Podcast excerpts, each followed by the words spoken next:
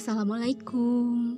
Pada podcast kali ini, saya Mutiara Intisyal dengan NIM 1806086 akan memberikan tanggapan mengenai materi inovatif dan kategori adopter yang telah dijelaskan oleh kelompok 7 di mata kuliah inovasi dan teknologi pembelajaran PKN.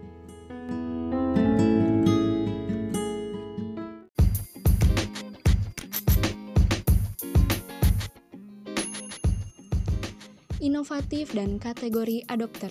Dari judul tersebut dikenal dengan dua kata, yaitu inovatif dan adopter. Apa sih inovatif itu?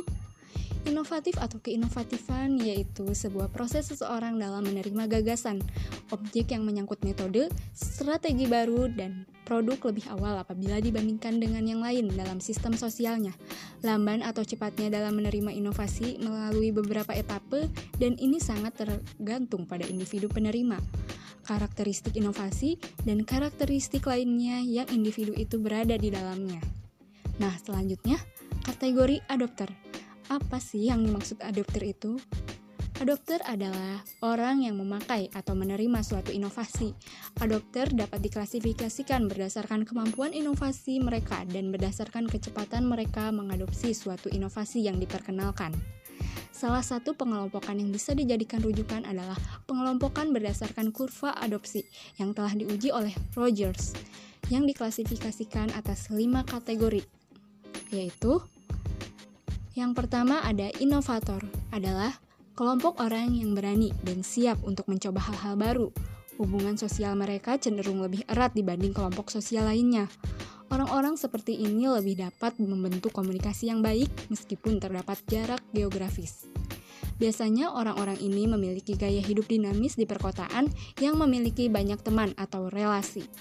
Yang kedua, pengguna awal atau early adopter. Kelompok ini lebih lokal dibanding kelompok inovator. Kategori adopter seperti ini menghasilkan lebih banyak opini dibanding kategori lainnya, serta selalu mencari inovasi tentang informasi lainnya.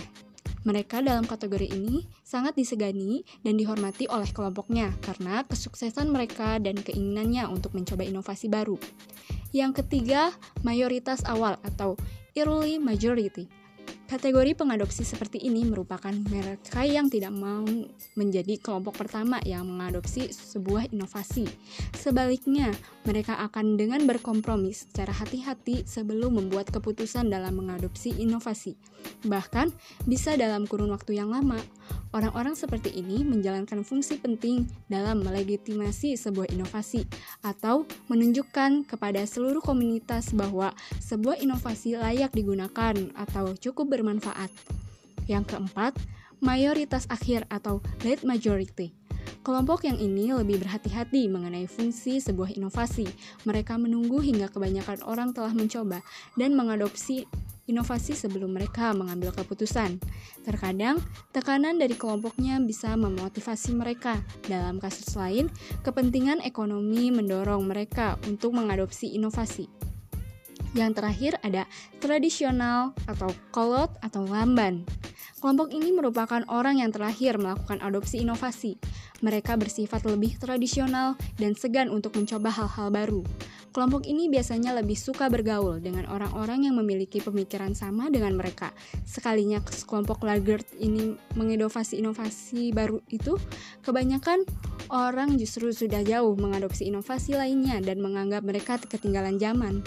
Dengan pengetahuan tentang kategorisasi adopter ini, dapatlah kemudian disusun strategi difusi inovasi yang mengacu pada kelima kategori adopter, sehingga dapat diperoleh hasil yang optimal sesuai dengan kondisi dan keadaan masing-masing kelompok adopter.